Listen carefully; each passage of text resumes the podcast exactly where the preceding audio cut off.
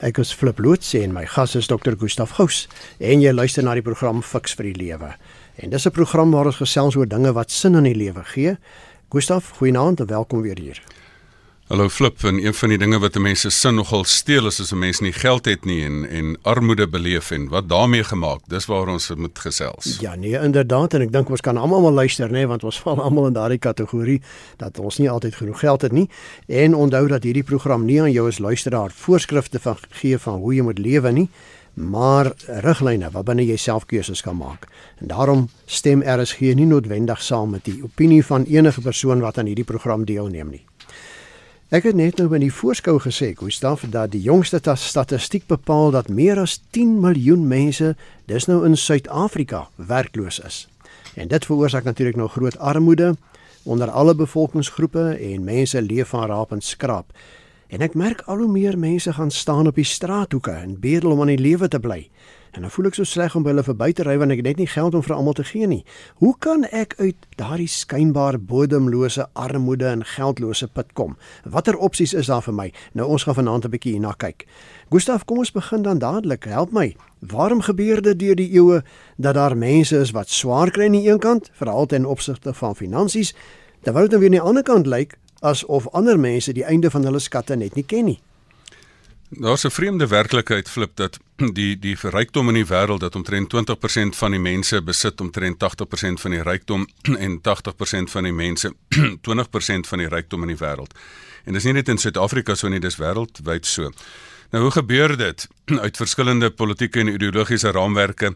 Dan sê mense nee maar die een dit is die samelewing, jy mes dit maar sosialisme en kapitalisme, maar maar ek dink die groot verdeling is is dat dit geleë is in menslike vryheid. Dat mense het die vermoë om dit wat hulle het iets meer van te maak. En party mense kry dit net reg om om hulle menslike vryheid so te gebruik dat jy uit die moeilikste omstandighede selfs iets maak en dan ook vir jou 'n platform probeer vestig waarop jou kinders en jou kinders en kleinkinders en selfs jou kultuur kultuur dat julle kulture hulle self dan platforms voorskep waarop ander mense dan jare daarna kan voortbou. Is dit jou skuld? Ek bedoel nou my of jou skuld nê dat jy arm en werkloos is, Gustaf. Kom jy nou maar net eenmaal uit 'n familie wat dit nie breed het nie en dit nie gemaak het in 'n wêreld nie, sodat daar nie eintlik vir jou regtig 'n kans is nie. Dat daar vir sulkes nie dieselfde geleenthede is of was soos vir ander mense nie. Dit is beslis nie jou skuld dat jy arm is nie. Dit is nie jou skuld dat jy is waar jy is nie, maar wat jy wel kan sê, dit is jou skuld as jy bly waar jy is. Want dit is vir my baie vreemd tog dat dat as jy na statistiek kyk dat daar uit die armste van armoedige omstandighede is daar altyd mense wat uitstyg. Maar die interessante ander ding is ook dat daar in die beste beste ryk families is ook mense wat dan nie uitstyg nie, maar wat uit die bus uitval. En en daarom is dit hoe mense hierdie hele proses bestuur. Nou natuurlik wil is dit vanaand nie 'n debat oor die denkskole nie want baie mense soek dan die rede vir armoede in die samelewingsstrukture en sê dit is omdat jy so die samelewing maak jou eintlik arm. Maar dit dit neem nie in ag daardie verklaring neem nie in ag dat byvoorbeeld Frans Ndonga nie. Ndonga nie. Hy is 'n um, interessante verhaal uit Namibië uit. Hy was later minister van finansies, maar hy was 'n tuinwerker geweest. En as 'n tuinwerker het hy sy sy week se loon gebruik om materiaal te koop en 'n um, hemp te koop en materiaal te koop. Toe haal hy die hemp uitmekaar uit en hy gebruik die hemp as 'n patroon en hy sny nog 'n hemp en hy werk hom met sy eie hande aan mekaar. Skus tog. En so het dit aangegaan dat hy letterlik hemp na hemp gekoop het, meer materiaal gekoop het dat hy later mense gekry het wat vir hom vir hom die hemde gemaak het en hy het en hy het letterlik sy besigheid so opgebou dat hy baie van die bekende besighede in Namibië besit en later minister van finansies geword het. So so die die denkskool wat sê die samelewing bepaal jou en hou jou arm, um, laat nie ruimte vir vir hierdie verhale van mense wat hulle letterlik van onder af opgewerk het nie. Ehm um, en dan is daar ander mense wat net sê as jy nie werk nie, kan jy nie eet nie, maar die belangrike ding daarvan is, ek dink albei hierdie denkskole is waar. Jou omstandighede beïnvloed jou natuurlik. Ehm um, jy het natuurlik as jy met 'n agterstand begin, dan is dit regtig 'n probleem. Maar die vryheid wat ons nou hier ook in fiks van die lede verkondig is dat jou omstandighede hoef jou nie te bepaal nie. Daar's drie goeters wat jy moet doen. Jy moet eienaarskap vat van jou probleme en en ook jou geleenthede. Jy moet rentmeesterskap vat en dat jy sê maar luister jy moet werk met wat jy het en goed bestuur wat jy het. En dan moet jy leierskap vat. Jy moet stap vir stap. As jy in skuld is moet jy daar stap vir stap daar uitkom.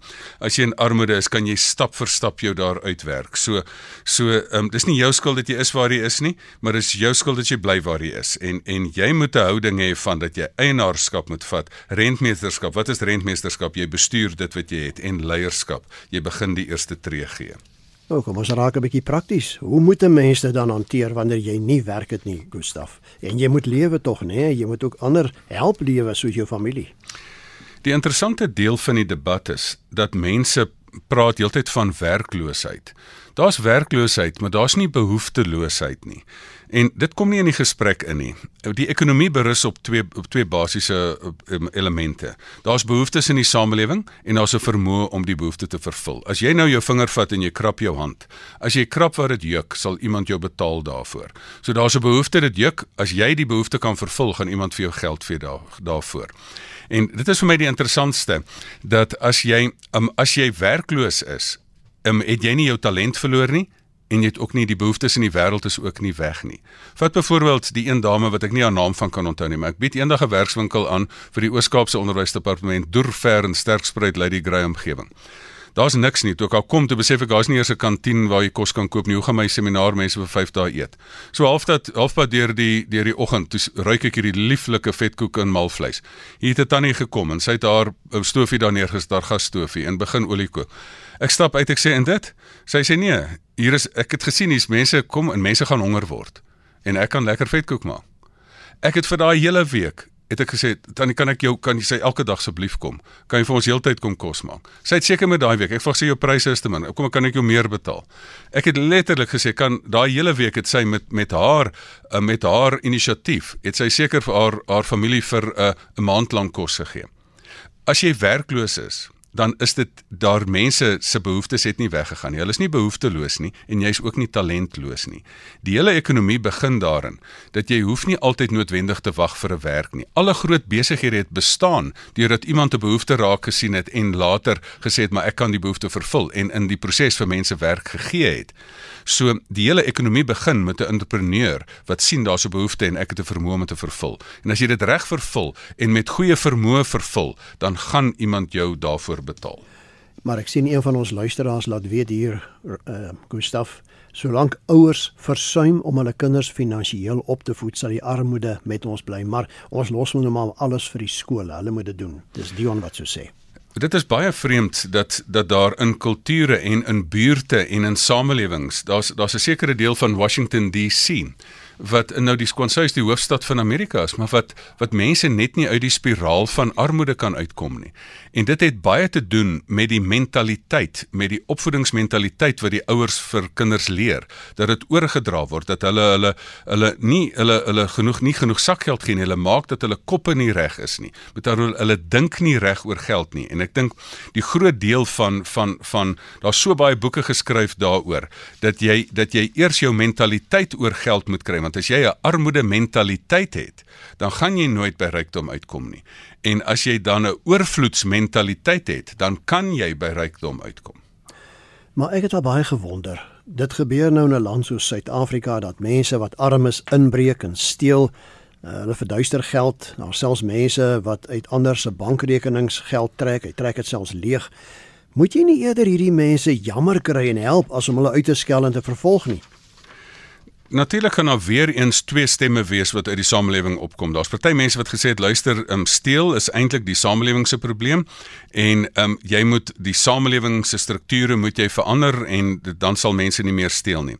Uh, dit is nie waar heeltemal nie, want in Indië is mense baie armer maar hulle misdaadsyfer is baie baie laer as Suid-Afrika. So armoede lei nie noodwendig daarna toe nie. Dit is 'n morele issue hier.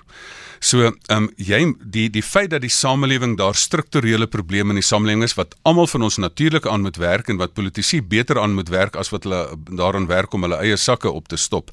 Ehm um, wat natuurlik moet gebeur en munisipaliteite en kerke en en, en nie winsgewende organisasies nie. Ehm um, neem dit nie die eie verantwoordelikheid weg nie. Ek dink dit wat onderskat word hier is hierdie hierdie mentaliteit. Hoekom is daar in dieselfde wêreld mense wat dan op 'n eerlike manier geld maak en hulle self nog steeds kan help. En hierdie armoede mentaliteit het iets te doen daarmee dat dat mens moet moet anders dink. Die Bybel sê nie sê nie verniet dat jy um, soos 'n mens dink, so is jy nie. Spreuke 23 vers 7. En daarom moet 'n mens baie keer eers jou kop reg kry voor jy jou bankbalans reg kry. En daai daai kop reg kry is dat 'n mens nie jou ambisie moet verminder nie. Jy moet eerder jou jou bereikbare doelwitte moet jy meer sit. Jy moet nie sê maar ek het 'n gierigheid nie, jy moet 'n vrygewigheid kry. Jy moet nie sê ek het nooit genoeg nie, jy moet gesê ek het genoeg en die bietjie wat ek het kan ek nog gee. Jy moet nie kla oor te min nie, jy moet dankbaar wees oor wat jy het en gebruik wat jy het. En so kan ek aangaan. Jy moenie eksterne aanvaarding soek deur goed wat jy probeer koop nie. Ehm um, jy moet jou eie suksese vier. So so gaan dit letterlik aan. Jy moenie 'n slagoffer mentaliteit hê nie. Jy moet 'n verantwoordelikheidsmentaliteit hê dat jy verantwoordelikheid vat ook vir om te werk met die bietjie wat jy het. Jy praat van verantwoordelikheid. Ek sien dat eh, Patrick vir ons laat weet en spite van hoe werkloosheid, 'n uh, hoë werkloosheid staak die wat werk het sonder om die gevolge in ag te neem. Dit gaan nou hier oor die verantwoordelikheid, nê? En dan is daar iemand anders wat sê maar deel van die probleem is dat daar te veel babas gebore word. Moet ons nie die babas beperk na minder mense is nie. Weereens is dit amper bietjie van 'n uh, 'n uh, uh, armoede mentaliteit. Um, as mens as 'n mens daar is genoeg rykdom in die wêreld om al die mense te voed. Dit is net dit is net daar's net 'n suinigheid wat die geld toesluit van die mense wat dit het. Ehm um, en dan dat daar is oorgenoeg bronne in die wêreld heidaglik nog. Ehm um, en baie keer een van die een van die armoede mentaliteite is sny kostes in in gee minder uit en moenie kinders kry nie. Ehm um, wie sê mens kan die inkomste verhoog nie? As jy 'n klein pasty probeer tussen almal verdeel, dan is daar natuurlik te min. Maar sê nou jy maak die pasty groter. Dit is wat onder andere wat Clem Santer daai tyd daai tyd nog gesê het. Ehm um, so hier is hier is verskillende houdings hieroor. Ehm um, en baie van dit berus op 'n mentaliteit. En onthou vanaand gesels ons nie daar's finansiële programme wat oor die hoe daarvan gesels. Vanaand gesels ons oor die inges, ingesteldheid en die mentaliteit daarvan. Ja, veral die verantwoordelikheid want ek sien iemand skryf hierso ons was 'n familie van 8 kinders. My pa se oorlede toe ek 3 was en ons het almal bo uitgekom. Die probleem vandag is almal verwag dat ander moet help. Mense moet leer om verantwoordelik op te tree. En ek dink dit is presies daardie bakhandhouding wat 'n hand aan die ploeghouding moet word en dat jy moet eienaarskap vat van jou probleme en sê ek is in diep skuld of ek is in 'n in 'n in 'n samelewing gebore waar dinge glad nie goed gaan nie. Um, maar dat jy ook met eienaarskap van die geleentheid wat voor jou lê, soos hy tannie wat die vetkoek gemaak het. En dan moet jy moet jy rentmeester wees. Dan moet jy mooi bestuur wat jy het en jy moet dit goed doen. Maar dan moet jy ook leierskap neem en jy moet jy moet die reis vat in tree vir tree moet jy begin. Ek wil daar's min dinge wat 'n mens so se se waardigheid so streel so skuld. Maar almal wat oor rykdom praat, sê dat die eerste stap is jy moet uit skuld uitkom. Finansiële bestuur se 101 is moenie môre se geld vandag bestee nie. Dis RSG met die program Fix vir die Lewe. Ons gesels vanaand oor hoe gemaak met werkloosheid en armoede. My gas is dokter Gustaf Gous, ek is Flip loods en jy's luisteraars natuurlik welkom. Ons hoor graag wat julle mening oor hierdie onderwerp is. Gebruik ons SMS nommer 45889. Onthou net die SMS se kos R1.50. Nou Gustaf, ons kan hierne weer praat. Ons kan nou sê ons moet dit doen, ons moet dat doen, maar in laaste instansie is daar baie mense wat regtig arm is, wat eintlik nie hoop het of hoop sien vorentoe nie. Op watter manier dink jy moet 'n mens armoede as sodanig hanteer? Is dit 'n skande? Ehm um, armoede is nie 'n skande nie, oneerlikheid is 'n skande. Ehm um, maar armoede is beslis nie. Maar die skande is net as jy niks daarin doen nie. En aan twee kante, die persoon wat selfs armoedig is of die ander persoon wat die vermoë het om ander mense die regte ingesteldheid te leer of vir mense te bemagtig. Ehm um, die ou storie is gee vir 'n persoon 'n vis en jy maak vat net so honger vir 'n dag weg, maar leer 'n persoon vis vang. So natuurlik moet daar bemagtigingsprogramme wees wat 'n mens wat 'n mens dit kan doen. Daar's vir my 'n baie interessante ding wat ek raak gesien het, is dat beide ryk en arm kan in 'n skaarsheidmentaliteit leef. 'n Suiwige persoon is ryk maar is in 'n skaarsheidmentaliteit. 'n Arm persoon is ook. Maar as as jy jouself reg instel hierop, dan kan 'n mens iets daaraan doen. Kom ek kom ek nou 'n praktiese voorbeeld. In die in die advertensie wat hierdie week uitgegaan het dit flip het ek um, bekende kliënte van my wat wat totaal in finansiële nood ingeval het in 2017 wat alles verloor het het letterlik gaan sit en hulle het besef maar hulle het verantwoordelikheid gevat vir 'n situasie. Hulle het hulp ingeroep, hulle het vir mense gesê asseblief kom sit in 'n kring en gee vir ons raad. Ons is in groot moeilikheid.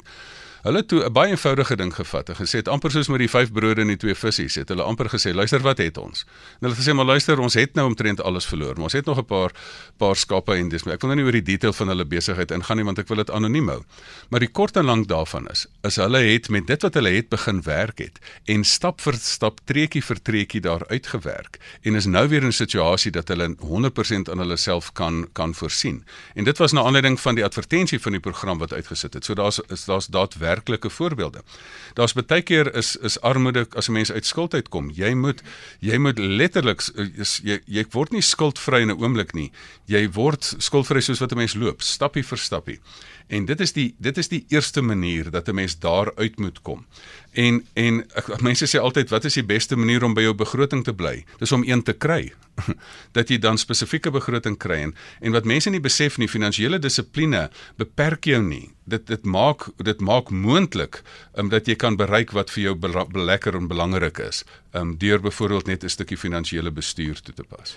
Dis baie interessant. Gustaf, ek sien hier Chris Pool het vir ons laat weet hy verdeel die mense in twee groepe, die wat bouers is en selfversorging kan word, dan oor hulle is besig om aktief iets te doen en die wat eisers is en altyd net wil hê en nooit selfversorgend sal wees nie. Natuurlik is daar daar's mense wat bakkant staan en daar's mense wat hand aan die ploeg lê. En en as jy die regtig die weerloses moet gehelp word, maar die persone wat hulle self kan help wat dan bakkant staan. Dit is daar waar hulle nie deel van die oplossing van die probleem is nie, maar deel van die probleem self. Ek wonder baie keer Gustav, watter rol speel gierigheid en materialisme in mense se uiteindelike armoede? Daar's 'n bekende aanhaling van van ehm um, Dave Ramsey wat gesê het: "Ons koop goederes met geld wat ons nie um, um, ons koop goederes wat ons nie nodig het nie met geld wat ons nie het nie om mense te beïndruk wat ons nie van hou nie." en dit is dit is ook baie interessant dat uh, dat Warren Buffett het gesê dat ons ons as jy goederes koop wat jy nie nodig het nie, gaan jy binnekort goederes moet verkoop wat jy wel nodig het. En die hele ding van gierigheid en materialisme is is is dat ons dat ons regtig gaan nie oor wat ons nodig het nie, maar wat ons emosioneel moet vir ander mense probeer beïndruk. Een van die ingesteldhede van armoede is dat jy politiek en emosies uit hierdie ding moet uithou en jy moet vir jou verskriklike eenvoudige dissipline kry dat jy nie môre se geld vandag moet bestee nie. En dat as die as jy in finansiële verskriklike moeilikheid val. Hoeveel het ek sit ek nie met kliënte op hierdie afgelope 3 maande weer nie. Dat hulle wil nie hulle lewensstandaard prys nie. Hulle het nou regtig, maar hulle wil nie hulle wil nie die kleiner huis toe gaan nie. Hulle het nou regtig goeder verloor so. Verkoop die kar, kry die kleiner huis, kom weer op jou voete en kom weer terug. Maar hulle sak nie dieper in die skuld in. Maar hulle wil emosioneel kan ons nie ons kan nou nie vir die mense sê ons trek nou na 'n kleiner huisie toe nie. Daar's 'n tyd wat jy hierdie harde besluite moet neem en dan weer vanuit 'n vanuit 'n posisie 'n beter posisie weer op jou voete kom. Maar nou wonder ek hoe staf mense wat finansiëel sukkel om kop bo water te hou, baie van hulle wend hulle dikwels tot dobbel in die hoop dat die nommers wat getrek word in hulle guns is. Wat maak ons hiervan? Dit is dit is weer eens 'n kortpad wat wat nie gaan werk nie. Dis 'n teken van dat jy nie eienaarskap nie, maar dit eienaarskap vat nie, maar dat jy op die geluksgodin ehm um, gaan gaan st probeer staat maak.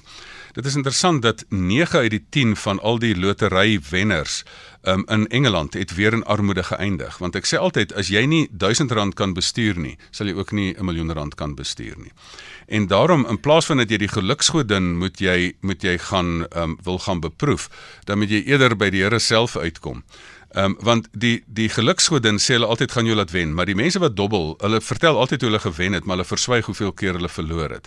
En hulle is nie eerlik genoeg om die sommetjie te maak dat jy altyd meer verloor as wat jy wen nie. Maar as jy as jy deel van die ingesteldheid is, is plaas of jy sê maar luister, ek's 'n arm persoon wat uit daai nie goeie buurt uitkom nie, ehm um, en nie uit 'n ryk gesin uitkom nie, gaan vind jou identiteit byvoorbeeld in Christus dat jy sê maar ek is 'n koningskind wat geroep is om 'n verskil te maak in die wêreld en wat talente het. Ek is gebore as 'n oplossing van 'n probleem. En as jy daai talente begin koppel en vanuit 'n nuwe identiteit uit begin wikkel, ontwikkel, dan is dit dat geloof jou onder andere help om die regte ingesteldheid te kry. En dan weet jy, um, jy jy sit 'n oorsaak-gevolg proses aan die gang dat jy jou talent begin gebruik waarvoor mense jou gaan begin betaal. Ek sien een van die luisteraars stuur 'n SMS wat sê maar ek voel die Here help ons daarom ook regtig. As jy nou reg en opreg lewe vir hom, dan sal hy vir jou nie vergeet nie. Psalms 72 verse 12 en 13. Hy sal die arme verlos wat hom hulp roep en hy sal jammer voel vir die geringe en die arme en die siel van die arme sal hy red. Dit is seker ook 'n aspek nie, Gustaf? Absoluut. En die maar die die Here gaan nie vir jou net um, alles gee nie. Hy gaan nie vir jou soos 'n lotto wenner gou net gou sê, "Ag, hier is vir jou nou gou gou 'n paar miljoen rand nie." Die Here gaan vir jou weer 'n geleentheid gee. Hy gaan jou weer op jou voete bring. Hy sal altyd daar wees vir jou. Maar hy gaan jou herinner dat jy op aarde is um, met vryheid en verantwoordelikheid en jy moet jou vryheid vryheid benut. Ehm um, natuurlik kan 'n mens nie anders as as as jy 'n kind van die Vader is, mag jy vir Here bid en sê Here gee vir my geleentheid. Maar as jy net bid Here gee vir my 'n miljoen maar ek wil niks doen nie, dan sê die Here vir jou sê luister, ek dink jy sal bietjie hand in die ploeg moet slaan. Hoe effektief sou jy sê is programme wat in werking gestel word om armoede en werkloosheid te verlig en is dit nou die armoede en die werkloosheid regtig iets wat omgekeer kan word? Ek persoonlik glo dat dit dit is iets wat in die wêreld omgekeer kan word. Jy die armes sal mes altyd, jy kry 'n normaal verspreidingskurwe. Mense wat is soos lappoppe, jy kan hulle probeer optel op hulle voete sit, maar hulle sak net altyd weer neer. Maar dit behoort 'n kleiner persentasie van die samelewing te wees. Ehm um, daar is is net soos as ouer as jy in die ouer huis of in die gesinskring of in jou klein kultuurkring of in jou buurt nie daai opleiding kry waar jy dit moet kry nie, dan kan 'n mens dit by 'n ander plek kry. Dan is daar fantastiese mense wat finansiële opleidingsprogramme het, maar almal van hulle is verantwoordelikheidsprogramme. Ehm um, daar is 'n tyd wat jy net vir iemand wat nie kos het nie kos gee, maar daar is 'n tyd wat jy ook vir iemand moet sê maar luister, hoe gaan jy jou eie kos verdien?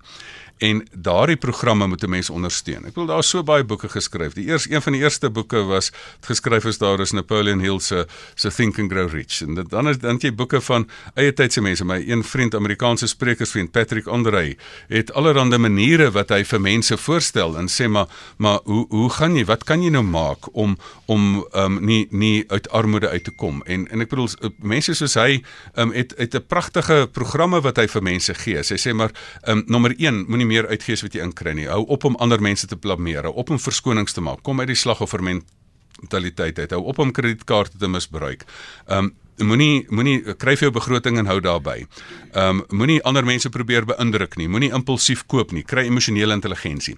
As jy nie anders dink en jou gevoelens anders bestuur en anders doen, um, en die opleidingsprogramme lê letterlik op daai drie areas dat jy anders moet begin dink, dat jy jou emosies van impulsiewe kopery anders moet begin bestuur en dat jy anders moet begin doen om volgens finansiële dissipline te begin leef, dan gaan jy uit die armste armoede jou kan opwerk, soos Frans Ndonga wat 'n tuinwerker was, wat met 'n paar hemde om opgewerk het tot byvoorbeeld 'n minister van finansies. Dis is skema die program Fix vir die Lewe en ons gesels oor hoe gemaak met werkloosheid en armoede. Ek is Flip Loots en saam met my gesels Dr. Gustaf Gous. Onthou as jy wil saampraat, ons SMS nommer 45889. Baie dankie vir al die luisteraars wat reeds van hulle laat hoor het. Onthou net die SMS se kos R1.50. Gustaf, kom ons kyk so 'n bietjie van 'n ander kant af na hierdie saak. Hoe kan mense wat darm nog werk en 'n inkomste het, die armes om hulle en die werklooses help, veral waar hulle self elke sent moet omdraai in 'n tyd dat alles duurder word? Ek dink deel van die oorvloedsmentaliteit is al is jy nie miljonair nie, dat jy nog ander mense kan ophef. Dit is vir my so fantasties soos dat mense ek het die naweek nou weer gepraat in die Kaap en daar was 'n persoon wat dan net 'n besigheid geskep het en gesê het maar hoe kan ek dan mense wat ek in diens neem letterlik leer um, en jy hoef nie net 'n entrepreneur te wees om geld te maak nie as 'n posbeskrywing is 'n behoeftebeskrywing en 'n CV is 'n talentbeskrywing. So jy moet jou hele lewe moet jy net mense help om um, nommer 1 die koppeling te maak tussen 'n behoefte en 'n talent. Nou deel daarvan is dat jy vir mense opleiding gee. En opleiding kan jy kan jy baie baie goed doen. Um, Anthony Robbins of Tony Robbins het altyd gesê, Ehm um, as jy dan as jy dan 'n talent het, moet jy jy moet jou waarde verhoog. Ehm um, die mense die geheim van rykdom het Tony Robbins gesê, jy moet meer doen vir ander as enigiemand anders. Jy moet jouself jou talente meer waardevol maak. Ehm um, want onthou besigheid is waardeuitruiling. Jy gee waarde en die mense gee vir jou in geld 'n gelyke waarde terug. So as jy dit wat jy kan doen, jou talent, jou jou motorwerktuigkundige werkswinkel dat jy behoorlike waarde gee, goeie ehm um, bedryf vir mense gee. As jy jouself weer meer waardevol maak, as jy self meer doen, as jy meer gee en jy is meer en jy dien meer, gaan mense terugkom na jou toe vir besigheid. En dit wat mense geleer word dat hulle hulle eie talent um slyp en dat hulle dit dan koppel aan die bestaande behoeftes wat nooit weggaan of die ekonomie nou op of af is nie. Nou kom ons raak weer 'n keer prakties. Wat kan mense doen as hulle hulle werk verloor en armoede hulle tref? Ek dink die heel belangrikste is jy moet jy moet besef hoe die ekonomie werk. Die ekonomie werk dat behoeftes vervul word deur talente. Dan moet jy ophou verskonings maak en sê ag nee, dit is die ander mense se skuld dat dan nie werk is nie. Daar's behoeftes, daar's talente, jy kan nie twee net koppel. Dan moet jy vir jouself as jy in skuld is, moet jy vir jou stappie vir stappie daar uitwerk. So gou as moontlik dis die doodmaker in die hele proses. Ehm um, dan moet jy ehm um, na jy ophou blameer dit, moet jy vir jouself begin doelwitte stel en jy moet dit wat jy het mee werk. Vat net dit wat jy het en werk daarmee. En begin met iets kleins, soos daai tannie wat die vetkoek gebak het. Dan kan jy jouself opwerk. Dan moet jy jouself anders bestuur. Jy moet jy moet 'n nuwe identiteit kry van iemand wat wat nie in 'n armoede mentaliteit is nie, maar 'n koningskind wat talent het om 'n verskil te maak in die wêreld. En dit kan dan vertaal in 'n besigheid. En dit kan mense wat besigheidsbeplanning doen, kan 'n mens daarmee help. Dat jy emosioneel ophou om impulsief te koop en so kan die lysie aangaan dat 'n mens dan daar is so genoeg om te doen. Maar die kern van die saak is is dat 'n mens dan die talent wat jy het gebruik om behoeftes te vervul en iemand gaan jou daarvoor betaal. Ai hierdie horlosie hart 'n bietjie vinnig vanaand. Ek sien ons tydjie so byna byna verby en die SMS'e kom een na die ander in. Hoe kan mense aan ander leer om hulle talente te gebruik en die slagoffermentaliteit waarna jy verwys het, kom net eenvoudig terug. En iemand anders sê ons finansiële terugslag het my al getref, maar dank die Here ek het nog nie een aand honger gaan slaap nie. En ander een sê armoede kom alreeds uit die Bybel uit. En iemand wat nie sy hande uit sy mou steek nie word arm. Dis vleit wat ryk maak. Hulle verhaal Spreuke 10 vers 4 aan. Gustaf, kom ons vat saam.